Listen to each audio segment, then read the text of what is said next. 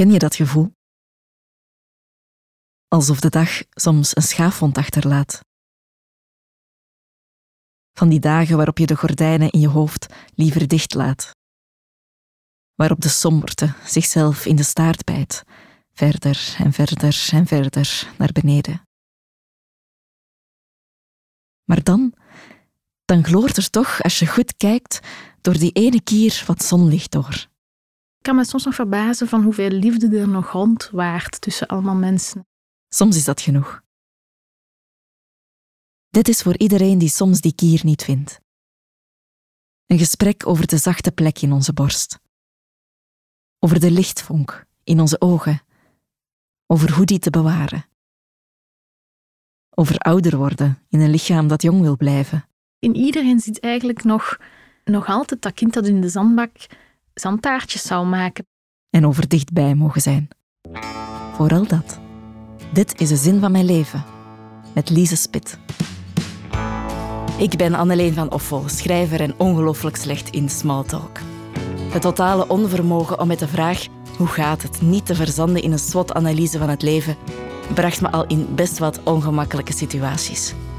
Maar hier kunnen we gelukkig de koetjes en de kalfjes op stal houden en schaamteloos naar de diepte duiken. Als een boek voorafgegaan wordt door een motto. Welke zin gaat dan in het leven van de schrijver voorop? Welkom in de zin van mijn leven.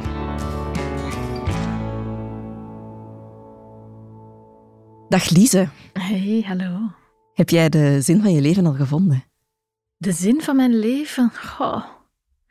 Ehm, specifiek? Ja, het was eigenlijk toen, toen ik wist dat ik uh, te gast was in deze podcast, was ik wel zo, oké, nu moet ik een zin vinden. Ik heb die niet klaar zitten.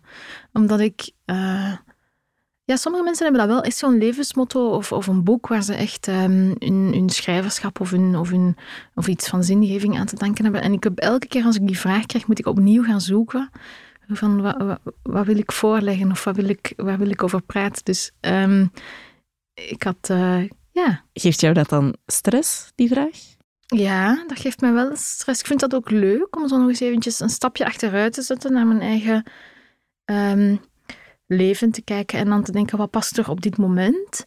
Ja, en te zien mag je eigenlijk meegroeien met je ja, leven. Ja. ja. Ik had wel een beetje stress voor dit gesprek.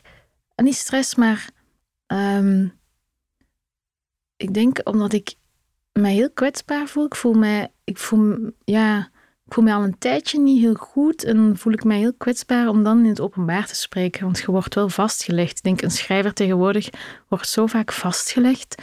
Uh, ik kan soms jaloers zijn op ten opzichte van schrijvers 30 jaar, 20 jaar geleden, die daar geen rekening mee moesten houden, die veel minder, die af en toe in de media kwamen of zo, maar daar werd niet altijd een soort van bewijsmateriaal van bijgehouden. Misschien radio-interviews wel en zo, en kranteninterviews ook, maar er was veel vluchtigers. En nu word je altijd zo vastgelegd op elke fase in je leven, heel veel beeldmateriaal, heel veel geluidsmateriaal. En dat voelt soms ook wel um, ja, gevaarlijk. Dus ik had bij deze, ik had nu wel zo dat ik dacht, oh, maar ik ben zo um, in de war een beetje in het leven. Dus in die zin ben ik de zin wel eventjes een beetje kwijt. En om dan daarover te praten, vind ik ook gevaarlijk bijna. Zodat ik ja, denk, oh, wat ga ik dan allemaal... Ik heb niks er is niks vast op dit moment, precies. Ja. ja. Maar ik ga daar direct gewoon antwoorden met een gigantische binnenkopper.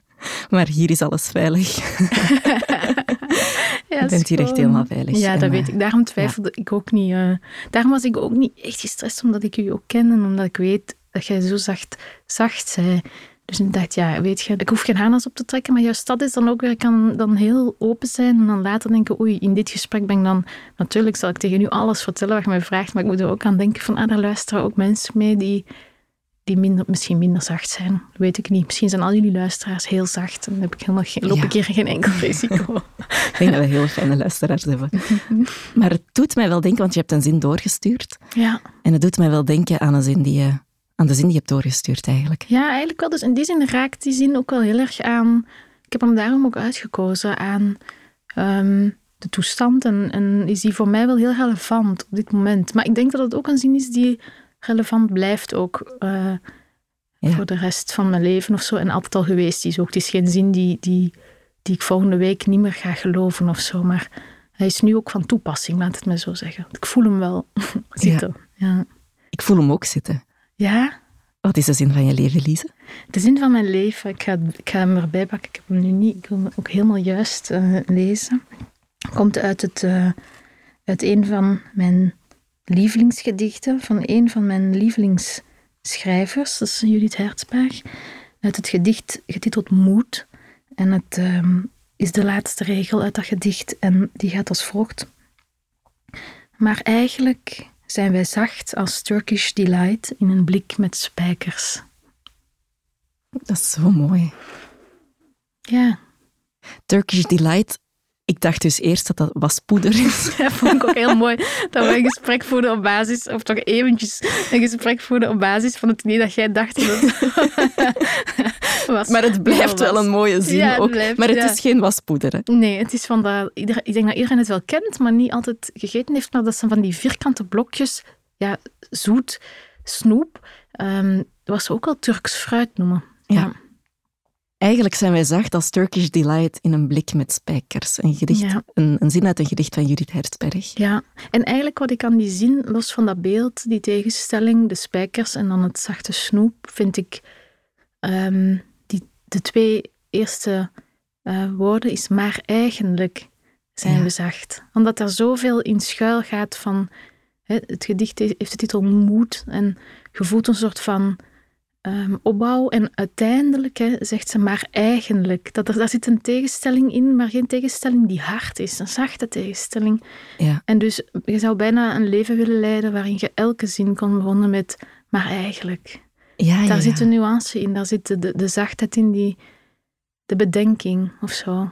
Dat vind ik, als het zou zijn, wij zijn zacht als Turkish Delight in een blik spijkers, dat is echt niet hetzelfde. Het is maar eigenlijk zijn we zacht. Ja. Is daar ruimte voor nog om, om zacht te zijn? Mm. Goh, je zou, je zou bijna denken van wel, juist omdat het zo wordt aangemoedigd, maar voor elk taboe dat doorbroken wordt, wordt er ook een omwalling op getrokken. En dat voelt je wel dat, juist dat we zeggen, oké, we moeten er meer open over zijn, dat, dat, er, dat, dat er veel worsteling is aan de achterkant van de gevels, bij wijze van spreken, heb je ook de hele tegenstroom waarop je op sociale media toch probeert te doen alsof het niet zo is. Ja. Ehm, dus er is ruimte voor, maar er is dus ook geen ruimte voor. Maar als je kijkt naar bijvoorbeeld de generatie voor ons, of generaties voor ons, is er wel echt iets veranderd in hoe je kunt praten over ehm, hoe je je voelt. Of toch, ja, er is wel iets veranderd, ja. Ja. Dus er is wel ruimte voor. Ja, voor dat gesprek, denk ik, meer dan ooit. Maar Ja, je hebt is het ook al eerder gedaan in, eh, in je columns en in, Ja. in gesprekken. Welke reacties krijg je daar dan op? Als je zegt, het gaat nu even niet zo goed met mij. Ehm, eigenlijk altijd heel vriendelijke reacties, lief. Ik ben ook altijd ehm, beducht als ik zoiets deel, dan schaam ik mij toch ook nog altijd wel een beetje. En dan, ja, daarin zit ook wel altijd de confrontatie als je zoiets. eh, ik heb een keer een column geschreven over. ehm, dat is wel eventjes geleden, een paar jaar geleden, over het feit dat ik medicatie ging nemen opnieuw.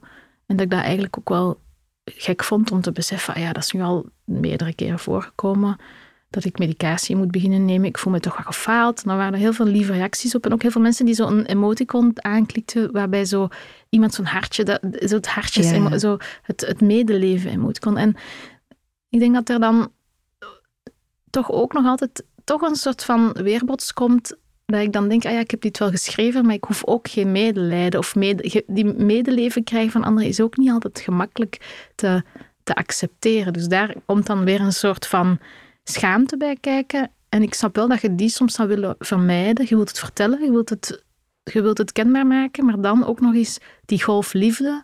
Ehm, dat, ja, nu ben ik mezelf misschien wel aan het vastpraten, maar daar is bij mij denk ik dus ook heel vaak de kern van waarom ik ehm, worstel, is dat ik dat heel moeilijk vind om te accepteren dat, dat er van mij gehouden wordt of zo. Dat ik dat niet gewend ben, dat ik zo Ja. niet... De, allee, dat, dat, dat dat lastig is, omdat ik dat zelf heel moeilijk vind en als anderen dat dan doen. Dus vaak ehm, is juist dat mensen heel zacht zijn ook juist weer een soort van... krijg ik daar weer een beetje angst van. Dus dat is een heel raar systeem. Maar uiteindelijk vind, denk ik dat er heel veel... ehm, ja, ik kan me, wel, ik kan me soms nog verbazen van hoeveel liefde er ook is. Want als je zelf heel negatief in zijt en heel somber zijt en depressieve gedachten hebt, dan, dan vind ik dat toch altijd opmerkelijk hoeveel liefde er nog rondwaart tussen allemaal mensen en zo. Ja. Dat is mooi, hè? Alsof zo het duisteren ook wel altijd het licht aantrekt. Ja, ja. Ja, ja, ja ik vind dat... Ik vind, ja, het is mij al vaak voorgevallen dat ik dacht, ah ja, dat, dat ik dacht, mij het is toch veel minder erg dan ik het mij inbeeld of zo. Er is nog veel meer mededogen dan je zou denken. Ja, de menselijkheid is er toch nog altijd onder alles wat je dan uh, ziet in, in actualiteit en weet ik veel. Mensen blijven toch menselijk, zeg ja. Mensen blijven menselijk. Ja, wat hadden we dan gedacht? Het zijn mensen, maar het is er wel. Ja.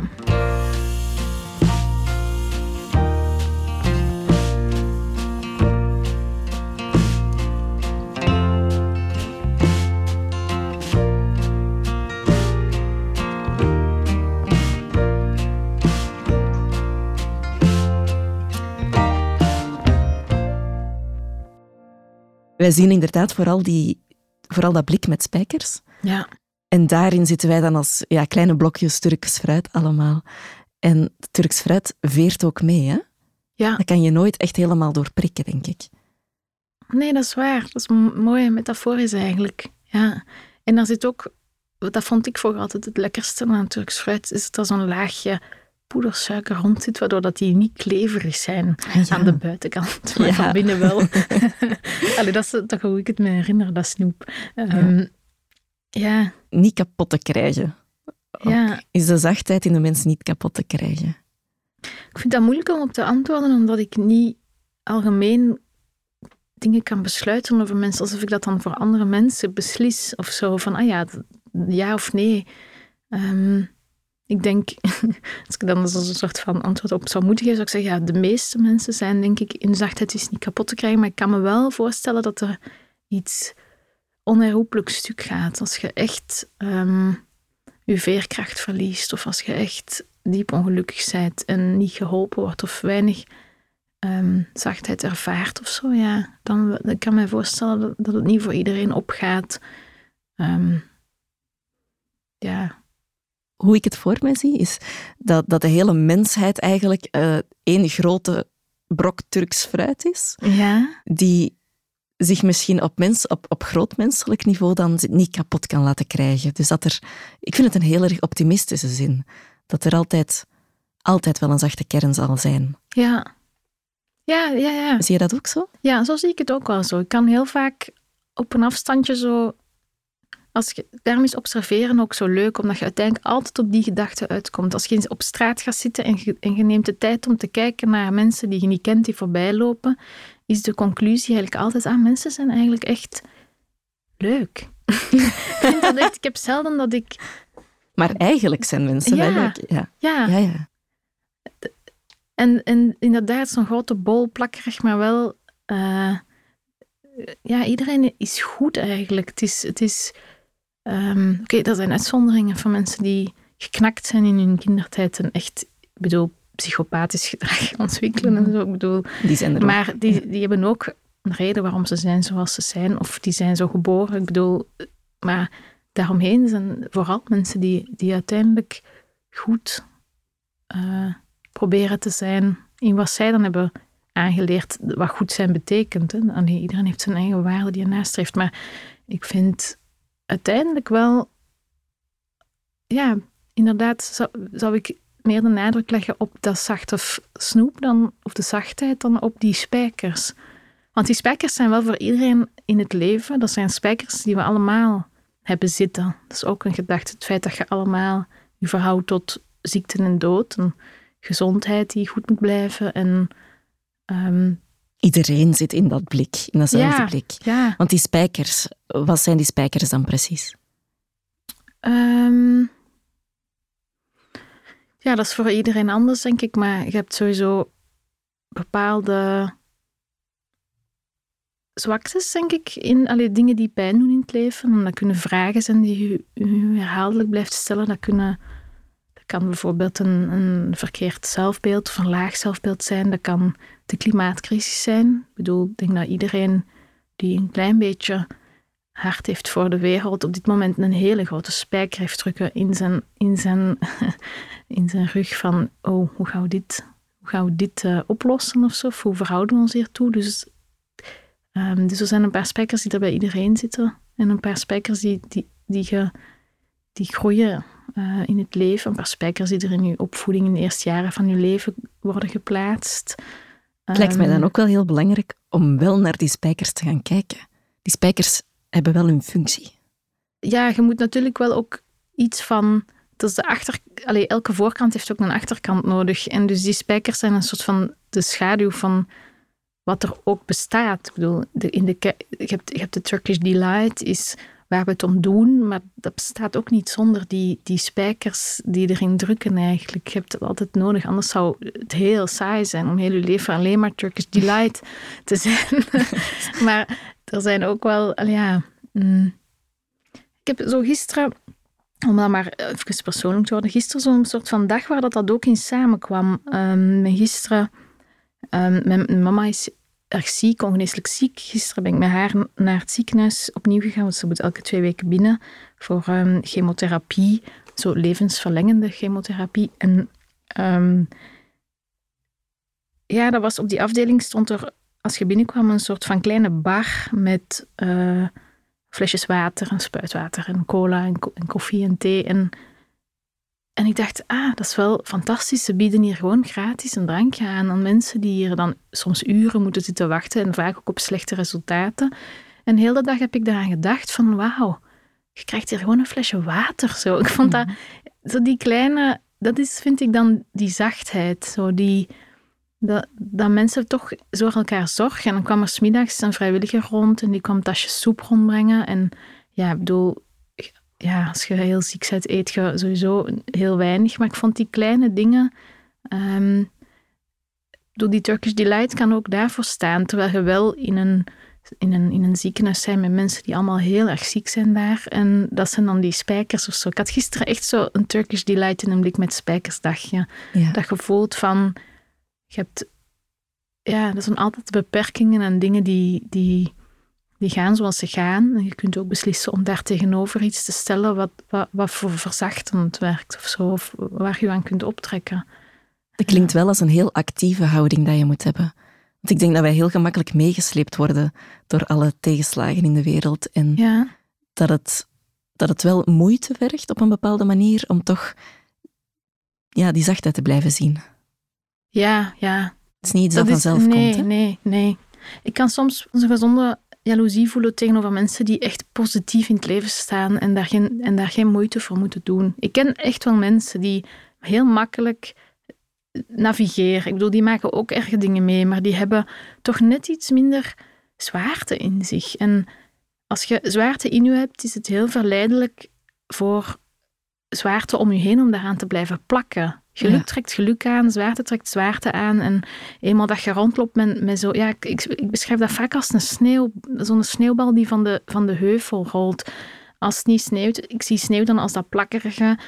En soms voelde dat, ah, een bal begint te rollen en alles begint eraan te plakken. En, en um, van, van negativiteit zo. En je ziet dan op den duur het positieve niet meer. Dus het kost echt moeite om te zeggen, ik ga blijven benoemen ik probeer dat ook heel actief te doen op periodes dat, dat ik me minder goed voel, is dat ik dat ik de neiging heb, zo'n negatief stemmetje in mijn hoofd die heel een tijd benadrukt wat er niet goed is, wat er slecht, wat er, wat er, wat er slecht kan aflopen. En ik ben dan heel actief hardop aan benoemen wat er goed is. Dus ik kan bijvoorbeeld een kamer binnenstappen en denken, iets heel negatiefs denken en, mijn, en ik spreek hardop iets positiefs uit.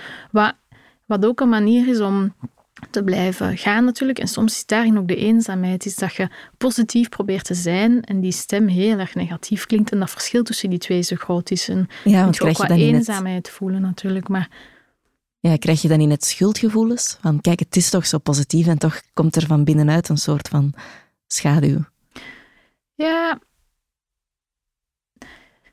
nee, dat is meer blijven naar het licht proberen gaan dan en dat helpt ook wel. Je kunt, allee, ja, het is altijd een evenwicht zoeken ook tussen die twee.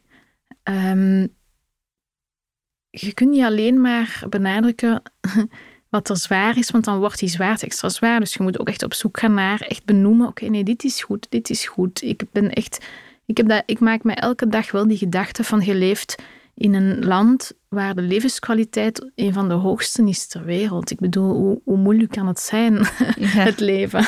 En dat, dat zeg ik hardop, niet hardop, maar dat zeg ik wel echt bewust elke dag. Van kijk, ik heb al zo vaak over die somberte ook proberen nadenken en praten. En, en ik dacht op weg naar hier op de fiets, hoe kan ik daar een soort van, daar is een keer concreet iets van tonen, van hoe voelt dat dan? En ik dacht, ah ja, deze morgen... Um, eigenlijk besefte ik wat, wat somberte ook is, is bij mij dat elke handeling voorafgaat aan dat, dat er heel weinig nog vanzelfsprekend gebeurt in mijn bewegingen. Dat er aan elke beweging een gedachte voorafgaat die eigenlijk een soort van negatief moe klinkt. Zo. En deze morgen stond ik op om naar hier te komen. Ik had er eigenlijk wel zin in. En ik kwam, ik kwam de, de woonkamer binnen en de zon scheen en de gordijnen waren dicht. En dat ik toch denk, oh, ik moet die gordijnen nog open doen. Ah. En dan, oké, gordijnen open doen. En alles, elke handeling gaat vooraf, alsof de schaduw voor de handeling komt.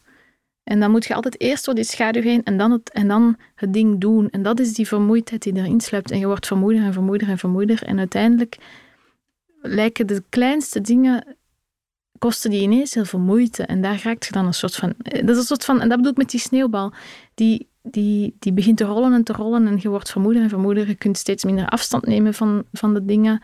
En, en, en soms houdt dat ook op. Hè. Ik bedoel, ik ben niet heel mijn leven somber en, en depressief aangelegd. Er zijn ook momenten dat dat, dat, dat beter gaat en zo. Dus, ehm, Wat helpt jou op zo'n moment dat die somberte de overhand neemt? Um, het is bijna een cliché, maar het is ook wel een cliché, maar dat zo is. Is wat altijd helpt, is de natuur ingaan. Omdat die zo'n vanzelfsprekende processen doormaakt. En je ziet dat ook de dingen echt veranderen. Ik bedoel, elk jaar opnieuw doorgaat hij die hele cyclus van um, ontluiken, bloeien, uh, herfst en dan opnieuw en opnieuw. En A, om te zien dat er zoiets bestaat dat helemaal op zichzelf redt, zonder dat hij aan het piekeren is of zo, en toch blijft doorgaan. En B, het feit dat je ook voelt, ah ja, het is een proces. Het is nooit, je zit nooit alleen maar um, in de herfst of alleen maar in de lente. Het gaat altijd um, voorbij en verder. Dat vind ik. Dus in die zin denk ik dat we daarom van de natuur houden, is omdat we daar, of toch bijna iedereen houdt, op, houdt van natuur. En ik merk ook dat hoe ouder ik word, hoe meer ik ook daarnaar op zoek ga. Zo fietsen of wandelen, of af en toe beter leer kijken ook naar die natuur die je als kind eigenlijk altijd zo vanzelfsprekend vindt. Die is er, zeker als je opgroeit allee, ja, op de buiten, maar daarin zit voor mij echt een heel grote troost. Er zijn gewoon soms periodes van winterslaap. En de lente komt altijd terug. Ja, exact. Ja.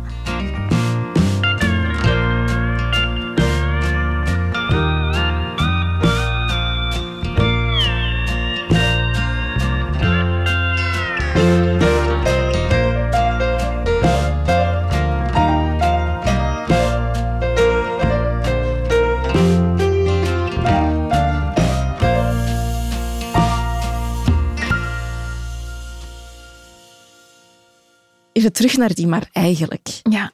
Die speelsheid. Want we hebben het nu al de hele tijd over somberte. Mhm. En dat is inderdaad het blik met spijkers. En die maar eigenlijk, die geeft het, ehm, het kinderlijke bijna. Mhm. Eigenlijk het, zoals een kind zegt, ja, maar eigenlijk is het toch iets anders. Ja.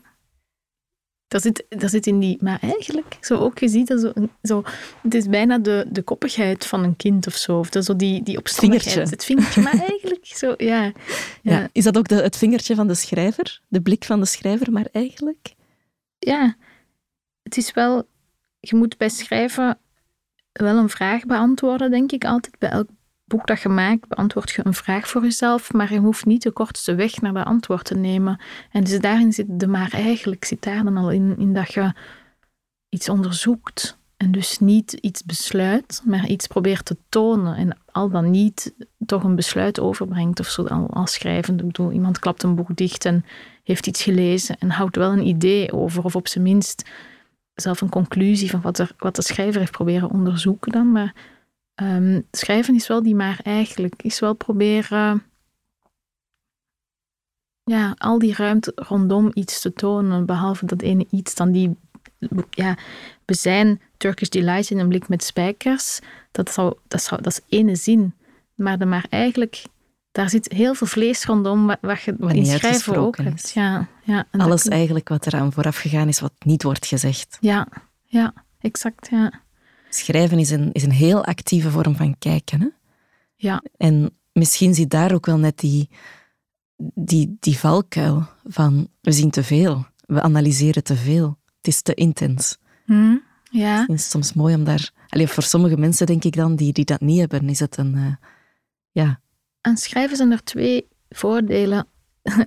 Anders zou ik het niet doen, denk ik. En dat is dat je, als je aan een boek bezig bent, ook een manier van leven daaruit kunt eh, voorttrekken. Namelijk, je weet waar je naar moet beginnen kijken, want je hebt een onderzoek. Dus als ik... ehm, ehm, ik schreef, ja, toen ik de laatste vijf jaar aan, Ik ben er niet eh, schreef, wist ik heel goed waar ik voor dat boek naar op zoek was. Waar ik naar moest kijken, welke dynamieken tussen mensen ik moest onderzoeken, waar mijn research zat. Ik had echt een soort van ene bril om, mee naar, om in het leven te staan. En dat is wel, als ik bijvoorbeeld in die tussenperiodes eh, geen boek heb waar ik aan werk, dan weet ik totaal niet waar ik naar moet kijken. Dan weet ik ook niet meer wie ik ben. Dan weet ik niet meer wat mijn blik moet zijn. Dus dat is een soort van, geeft een soort van sturing in het leven. En daarnaast heb je ook bij schrijven altijd het idee dat het niet in het echte leven zelf moet gebeuren, maar je altijd een tweede kans krijgt. Bijvoorbeeld, ehm, om nu maar iets te zeggen, over, een, over twee maanden is mijn huwelijksfeest. Ik denk, ja, leuk dat feest, maar oeh, ik kan er best nog wel iets over schrijven later. En, en dan is het ook goed of zo. Dus je hebt een soort van tweede kans altijd om het opnieuw te doen. Maar dan Ja. met je, op je eigen voorwaarden, helemaal op je eigen, onder je eigen controle. Want jij kiest dan de taal en kiest dan wat je overhoudt en hoe je het beschrijft. En je kunt zelfs dingen verzinnen. Ik bedoel, eh, een schrijver is daarin zo vrij als hij wil. Dus die twee dingen samen maakt voor mij, ja, dat ik bijna denk, waarom schrijft niet iedereen? Zo, er is ik gun het zo... iedereen om zo te kunnen leven ook. Ja, er is niks dat je echt erg kan overkomen, want je kan er altijd nog over schrijven dan. Ja. Is het dat idee?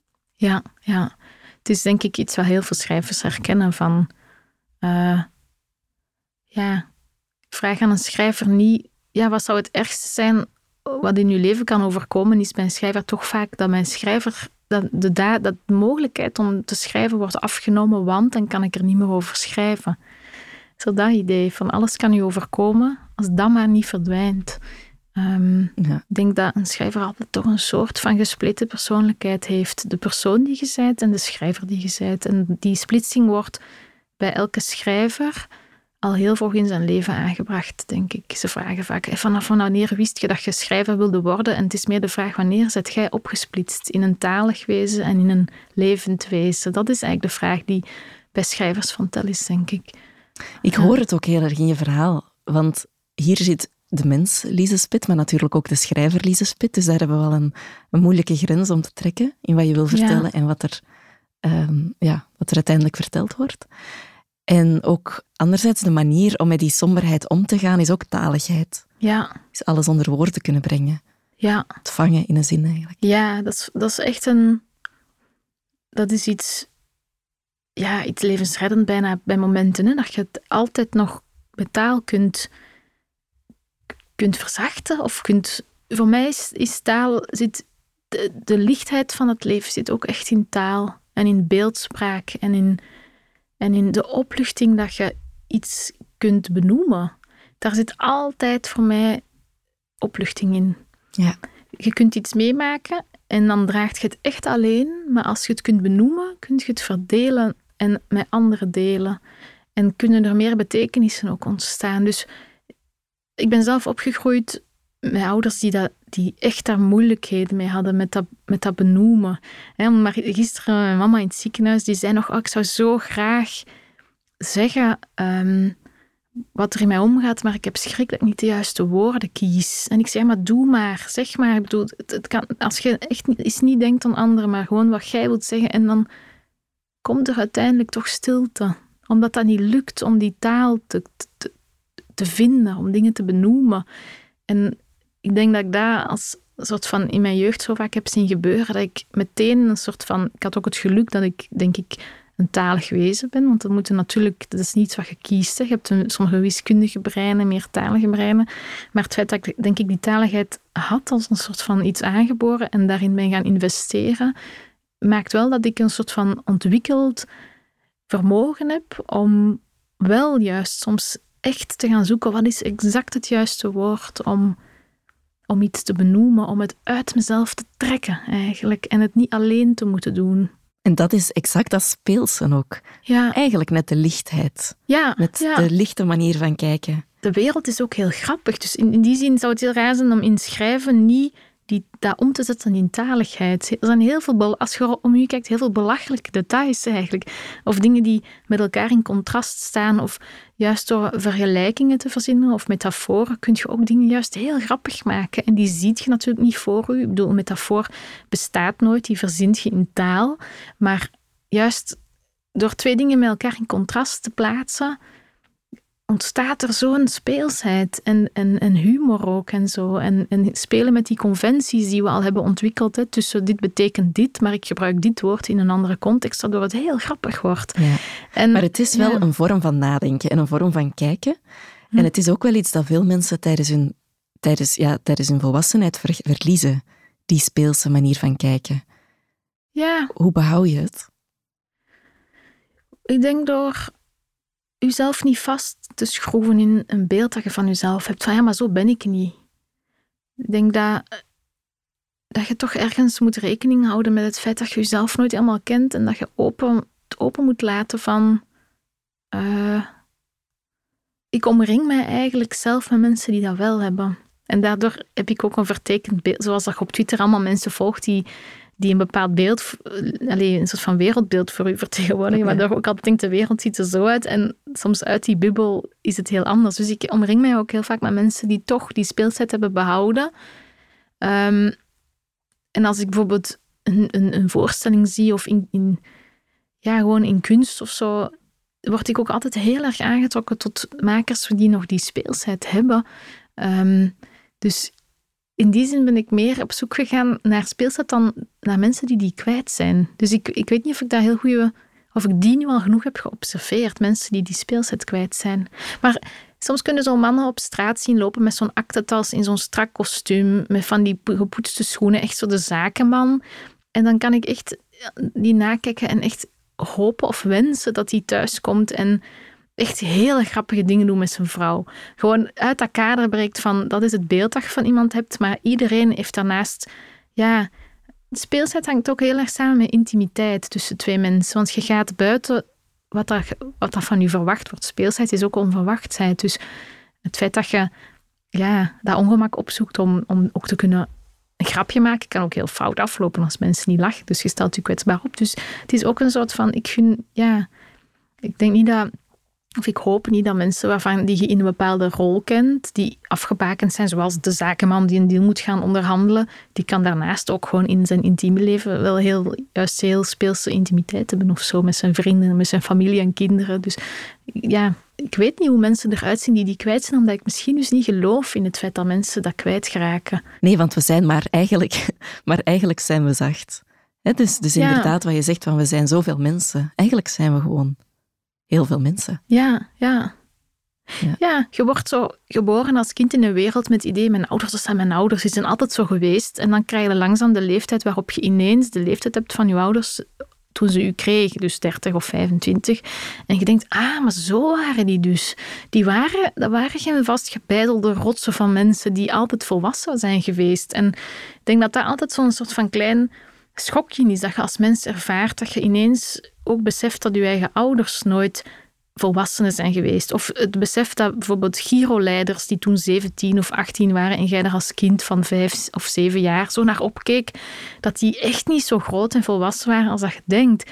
En ik heb nu een relatie, of ik ga trouwen met, met iemand die 60 wordt over twee maanden. En daarbij heb ik ook zo dat ik denk, ja, ik had altijd zo'n beeld van de zestiger. Wat ik eigenlijk ook had als kind van die leider van 17 en, als, en, en van volwassene ouders. Maar ik besef ook dat dat beeld zelfs van zestigers niet klopt of zo. Dat ik denk, ja nee, er is gewoon niet een leeftijd waarop je zijt wie je zijt. Zo nu zet je de zestiger en dan de veertiger of zo. Dat, het enige wat er is, is dat je op het einde van je leven fysiek aftakelt omdat je oud wordt. Dat is eigenlijk het enige wat, ons, wat, wat, leeft, wat, wat maakt dat je een leeftijd hebt, is, is dat fysieke. Maar Ja. voor de rest zijn we allemaal nog speelse. Groeiend. Ja, Ja. ja, Ja, we, groeien eigenlijk toe naar wie we zijn, maar we bereiken het nooit. ja. Dat is toch al. prachtig. Dat je Ja. daar zo naar, naar kijkt en denkt, in iedereen zit eigenlijk nog, nog, nog altijd dat kind dat in de zandbak zandtaartjes zou maken, bij wijze van spreken. Je denkt, ja, oké, ik ga niet meer mijn knieën zijn al was stram, waarom zou ik nu zand in mijn schoenen krijgen? Maar die zit er wel nog. Ja.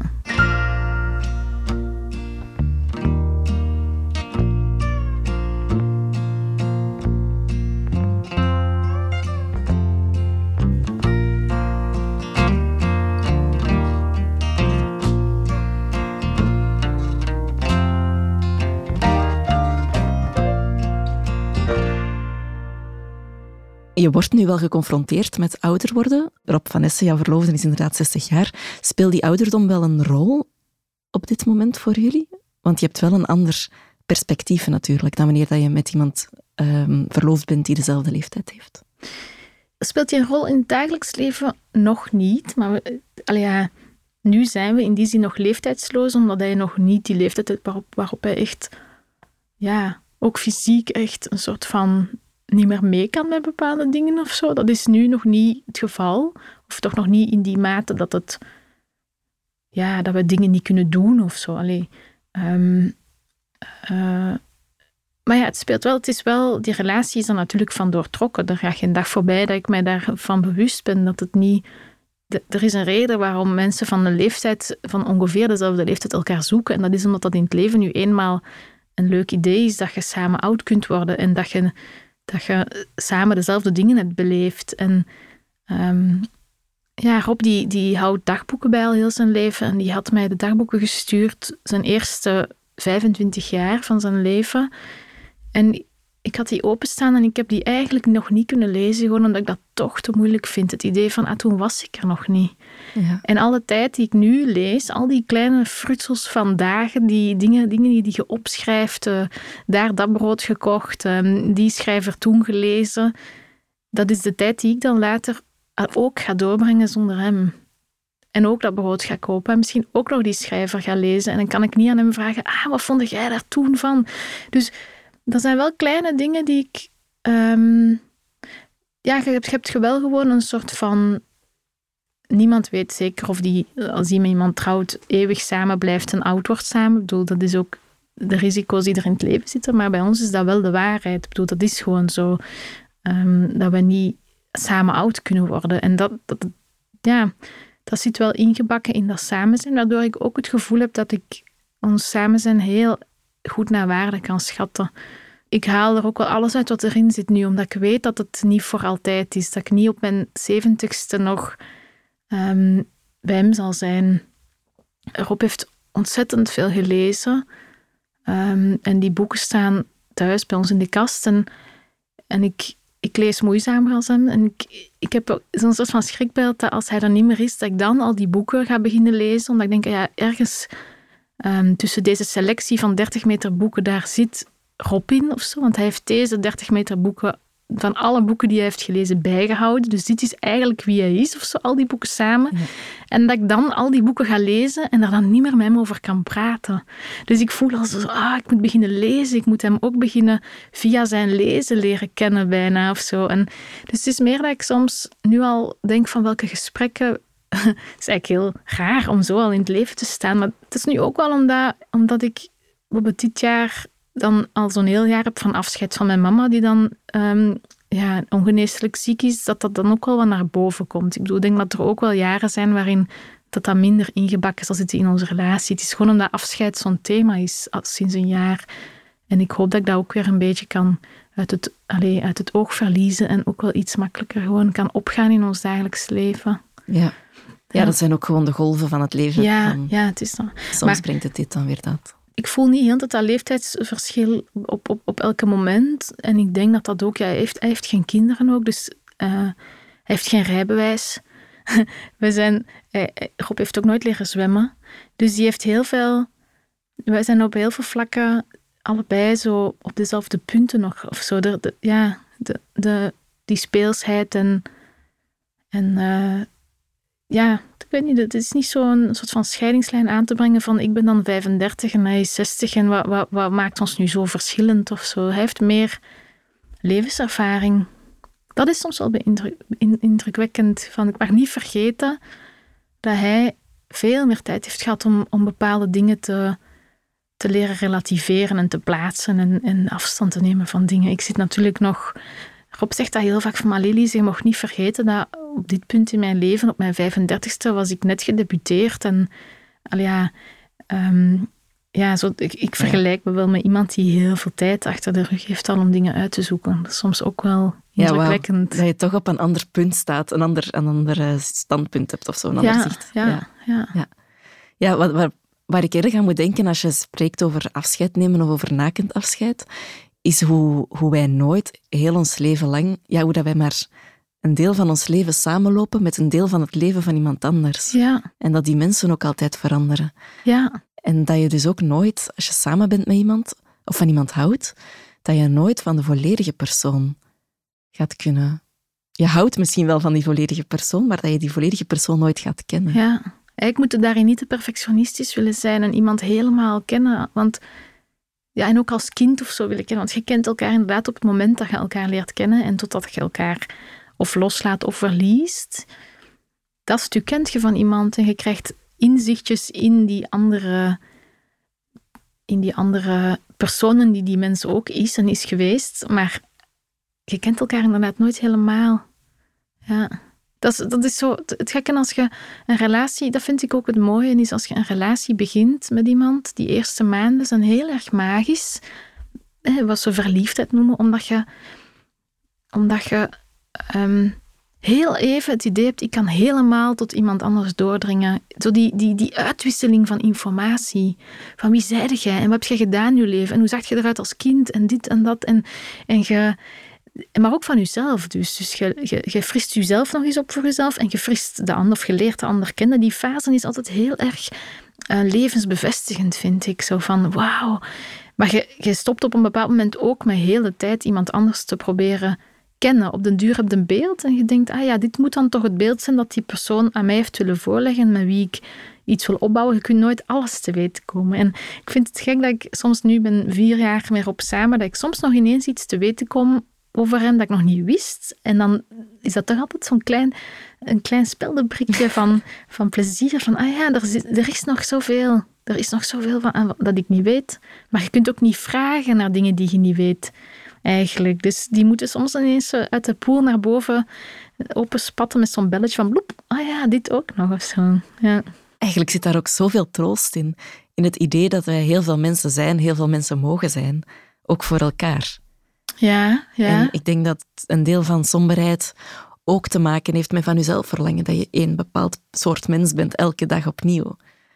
Een van de dingen die somber maakt, is misschien het perfectionisme om perfect te, allee, het perfect willen zijn. En dat dat niet bestaat, want wat voor de ene perfect is, is dat niet voor de ander. En ook in verhouding tot, tot iemand. Uh, ik vond nu, met mijn mama die ziek werd, is dat ik begreep, ah, er is nooit één moeder geweest want we zijn met vier kinderen en ineens besefte ik, hier wordt afscheid genomen van vier moeders.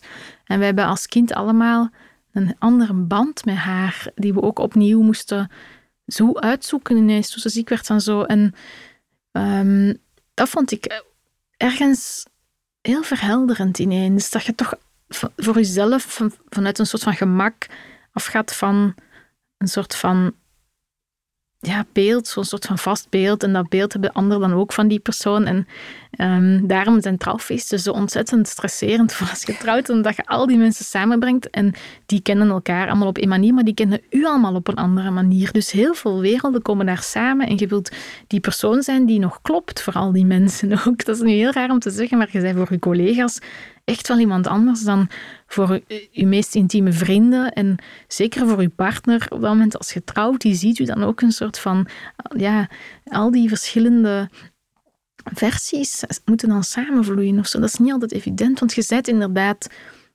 heel veel verschillende mensen in één. Ja. Misschien moeten we ook niet van onszelf verlangen dat we elke dag gelukkig zijn. Misschien mag een, een deeltje van ons ook wel gewoon somber zijn. Ja, Ja, dat zou wel een heel goed begin zijn om zo in het leven te staan.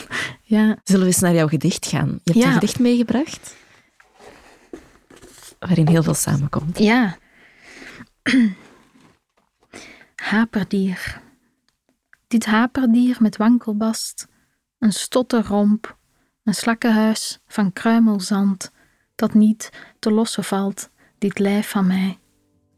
Een weigerachtig mopperhol, een ribbenkast met deurtekort, een ongeriefelijk dwarsgestel vol zweefballast en waakzaamheid, dit lijf van mij.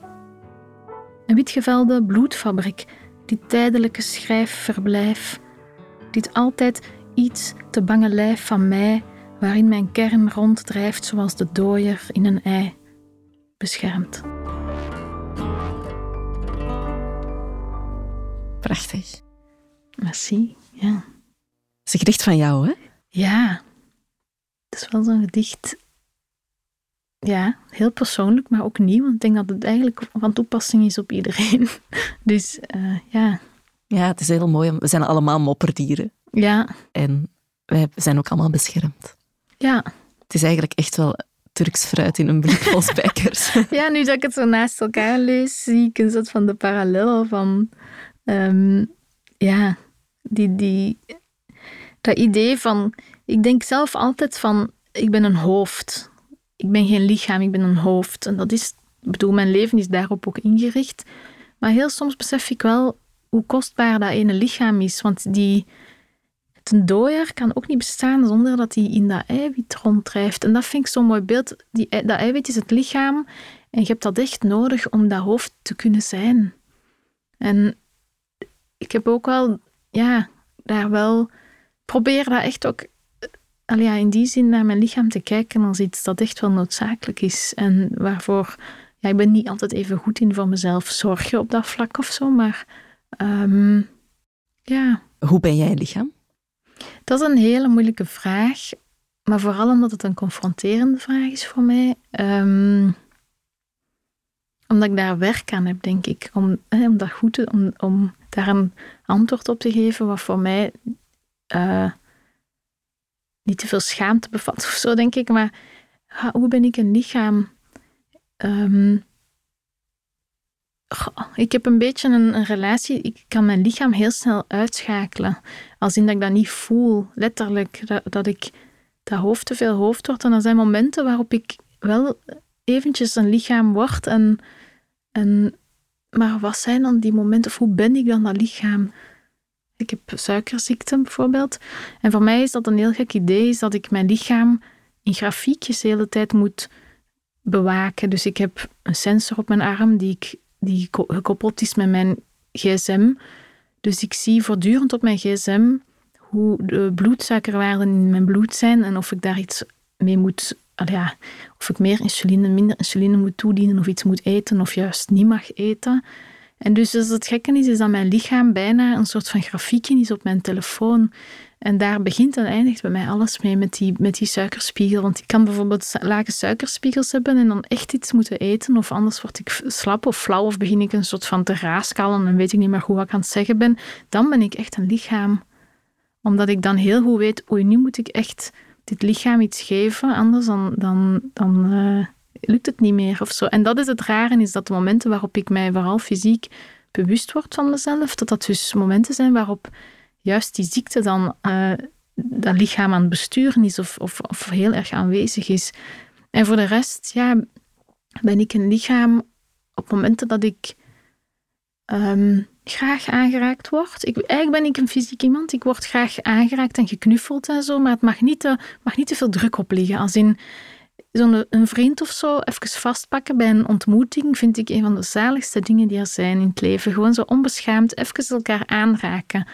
En ja, maar dan zo een, een soort van een massage of zo vind ik dan weer echt wel te veel soms, te veel lichaam.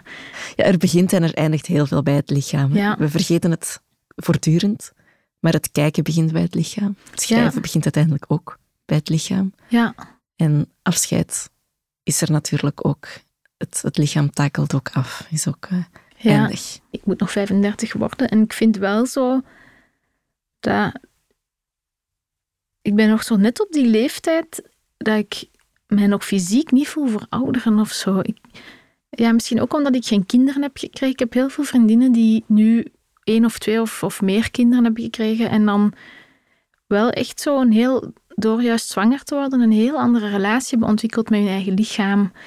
En ik ben dat, ja, ik heb, ik heb geen kinderen gekregen. Ik ben, of nog niet, ik denk niet dat het gaat gebeuren, maar wie weet gebeurt het ooit nog. Maar ehm, waardoor ik echt merk dat ik zo geen update heb uitgevoerd of zo. Dat lichaam is er nu al heel lang hetzelfde of zo. En ja, je komt wat bij, je valt wat af. Ik bedoel, dat wel, maar... Ehm, ja, dus ik vind dat interessant om dat bij anderen te zien ook. Dat die een soort van echt een nieuwe... Het is geen nieuw lichaam, dat is hun eigen lichaam nog. Maar dat die heel erg versteld staan van wat een lichaam kan.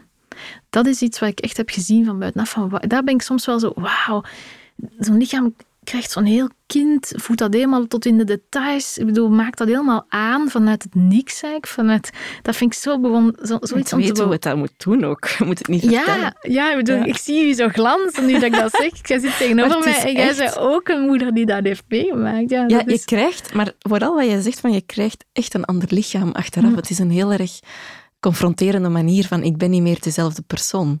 Terwijl je natuurlijk nooit dezelfde persoon bent, geen, geen dag na elkaar. Maar het lichaam is daar wel een hele, ehm, heel concreet bewijs van. Ja.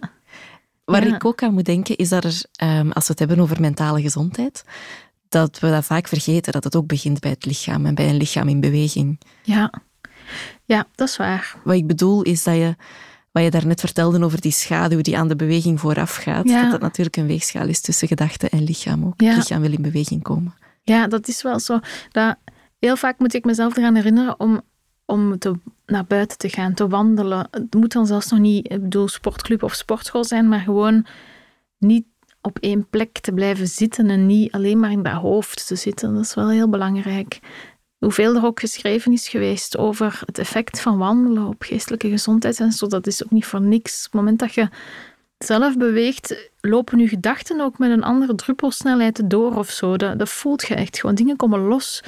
Maar je moet er wel toe komen. Er zijn ook dagen dat je dan zo denkt, oh my, um, je moet er toe komen ook om naar buiten te gaan. En, en ja... Je moet de gordijnen opentrekken en naar buiten gaan. Ja. ja. Heel ja. mooi. Dankjewel, Lise. Ziek. Dit was de zin van mijn leven. Een podcast van Curieus in een productie van House of Media. En ik ben Anneleen van Offel. Wil je de zin van je leven zeker niet missen? Volg ons dan op Spotify of op je favoriete podcastkanaal. Daar kan je ook een review achterlaten of tip ons aan je vrienden.